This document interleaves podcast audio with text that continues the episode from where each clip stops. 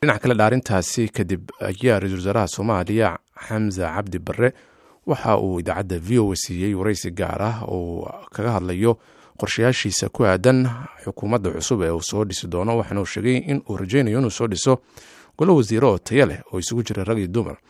Waxa uu dhinaca kale rajo uu ka muujiyay in madaxweynaha ay si dhow u wada shaqeeyaan isaga islamar ahaantaasina ay si hufnaan ay ku jirto ay u xaliyaan haddii ay dhacdo inay kala aragto duwanaansho siyaasadeed soo kala dhex gasho ra'iisul wasaare xamse cabdi barre oo u warramay falastiin axmed iimaan ayaa ugu horeyn waxa uu ka hadlaya dareenkiisa ku aadan inuu helay kalsoonida golaha shacabka.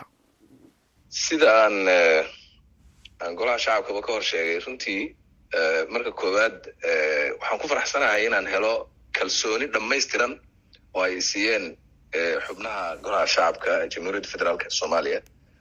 Mar kalena waan u mahad celinayaa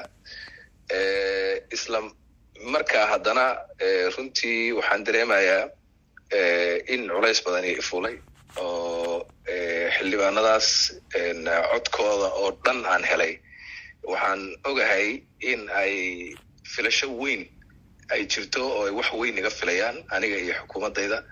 Marka ilaahay hanoo fududeeyo waxaan ilaahay ka baryaynaa ilahay noo fududeeyo labadaas arrimoodba waan dareemayaa. Mar waa faraxsanahay marna litbit waxa weye waxaan dareemayaa culayskaasaan dareemaya marka xukuumadaa lagaa sugayaa dalka muddo ayaa dowladu waktigeedu dhammaaday iyo isjiijiid uu ku jiray. Xukuumad sidee ahaa rabtaa inaad soo dhisto? Xukuumaddaydu waxay noqon doontaa haddii ilaa idhaahdo xukuumad taya leh. Waxaan ku soo xulan doonaa haddii ilaa idhaahdo hufnaanta kartida iyo aqoonta aan aan dadka soomaaliyeed aan ku ogahay in badan oo ka mid a ayaan ku soo xulan doonaa. Waxaana rajaynayaa inay noqoto xukuumad awood u yeelata in ay fuliso ajendaha waaweyn ee horyaal. Dhinaca siyaasadda marka la fiiriyo marka awoodda qolo cusub timaadaba saaxiibbay leeyihiin xisbiyay leeyihiin ururey ka yimaadeen.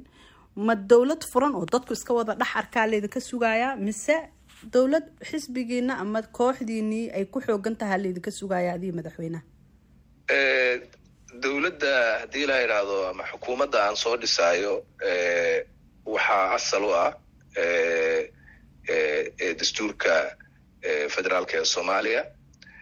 Midda labaad anigu waxaan rumaysnahay xisbiyo sharciyeysan oo axzaab ah runtii oo waddanka weli kama hirgelin ururaa jira ururo siyaasadeed ayaa jira. Marka haddii aad ka wado ururka siyaasiga ahaa ee uu madaxweynuhu guddoomiyaha ka ahaa miyaad ku ekaanaysaan? Maya dadka soomaaliyeed kale insha allah. Iyo ururkana xaaraan kama aha. Lakin dadka soomaaliyeed waxaan rajaynayaa in ay in badanoo kamida laga dhex arko haddii la idhahdo qoondada gabdhaha waxaa la yidhaahdaa dowlad dowladihii dalka isaga dambeeyey waxa ugu badan ay ka helaan waa wasiir ama laba. Maxaa taa ka bedeleysaa aniga waxaan rumaysnahay gabdhaha iyo wilashuba waa muwaadiniin soomaaliyeed. Waxaana halbeegaygu u yahay kartidooda iyo hufnaantooda iyo khibradda ay u leeyihiin shaqada laga rabo laakiin waxaan ku caddaynayaa inay aan ku dadaali doono insha allah inay gabdho iyo wiilalba ka koobnaadaan. Gabdhuhuna kaalin weyn bay ku leeyihiin dalkan.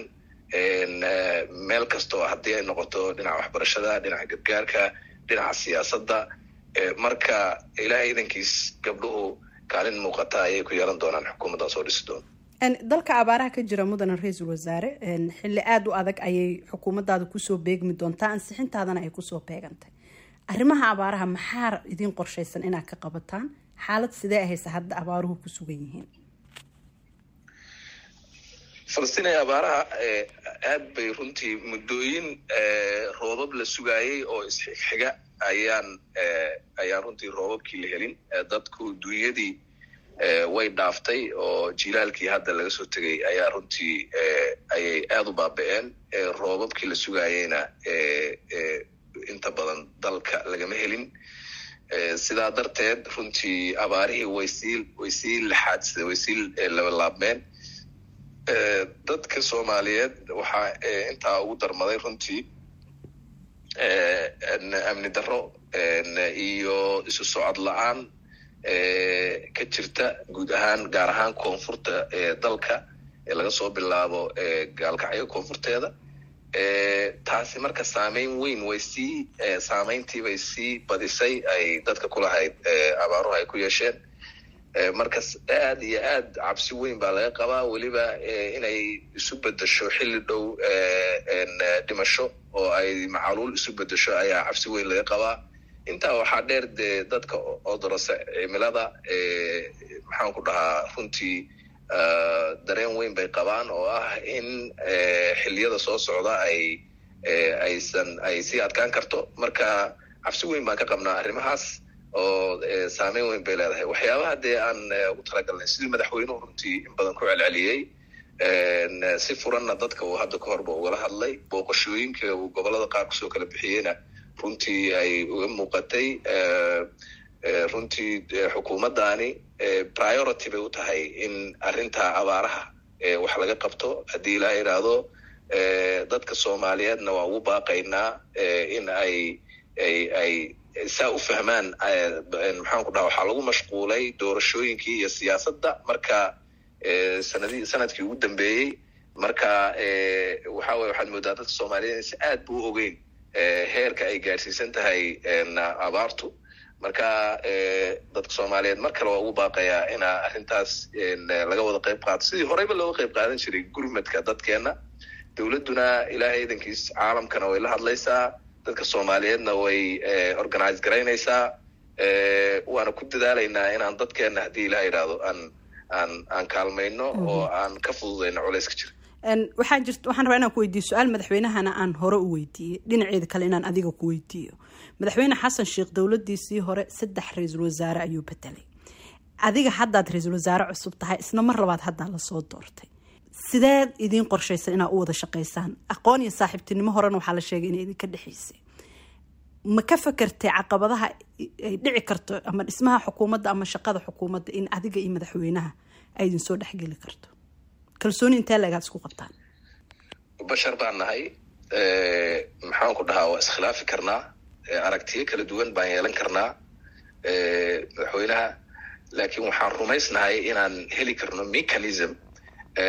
Aan aan aan ku xalino wax kasta oo oo dhexdeeda soo gala. Waxaanan aaminsanahay ilaahay idankiis inaan aniga madaxweynaha uu si dhow oo wanaagsan aan u wada shaqayn doono ra'iisul wasaaraha soomaaliya xamse cabdi bare wuxuu u waramayey falastiin axmed iimaan. Dhegeystayaal halkaad ka dhegeysaneyseenna waa v o a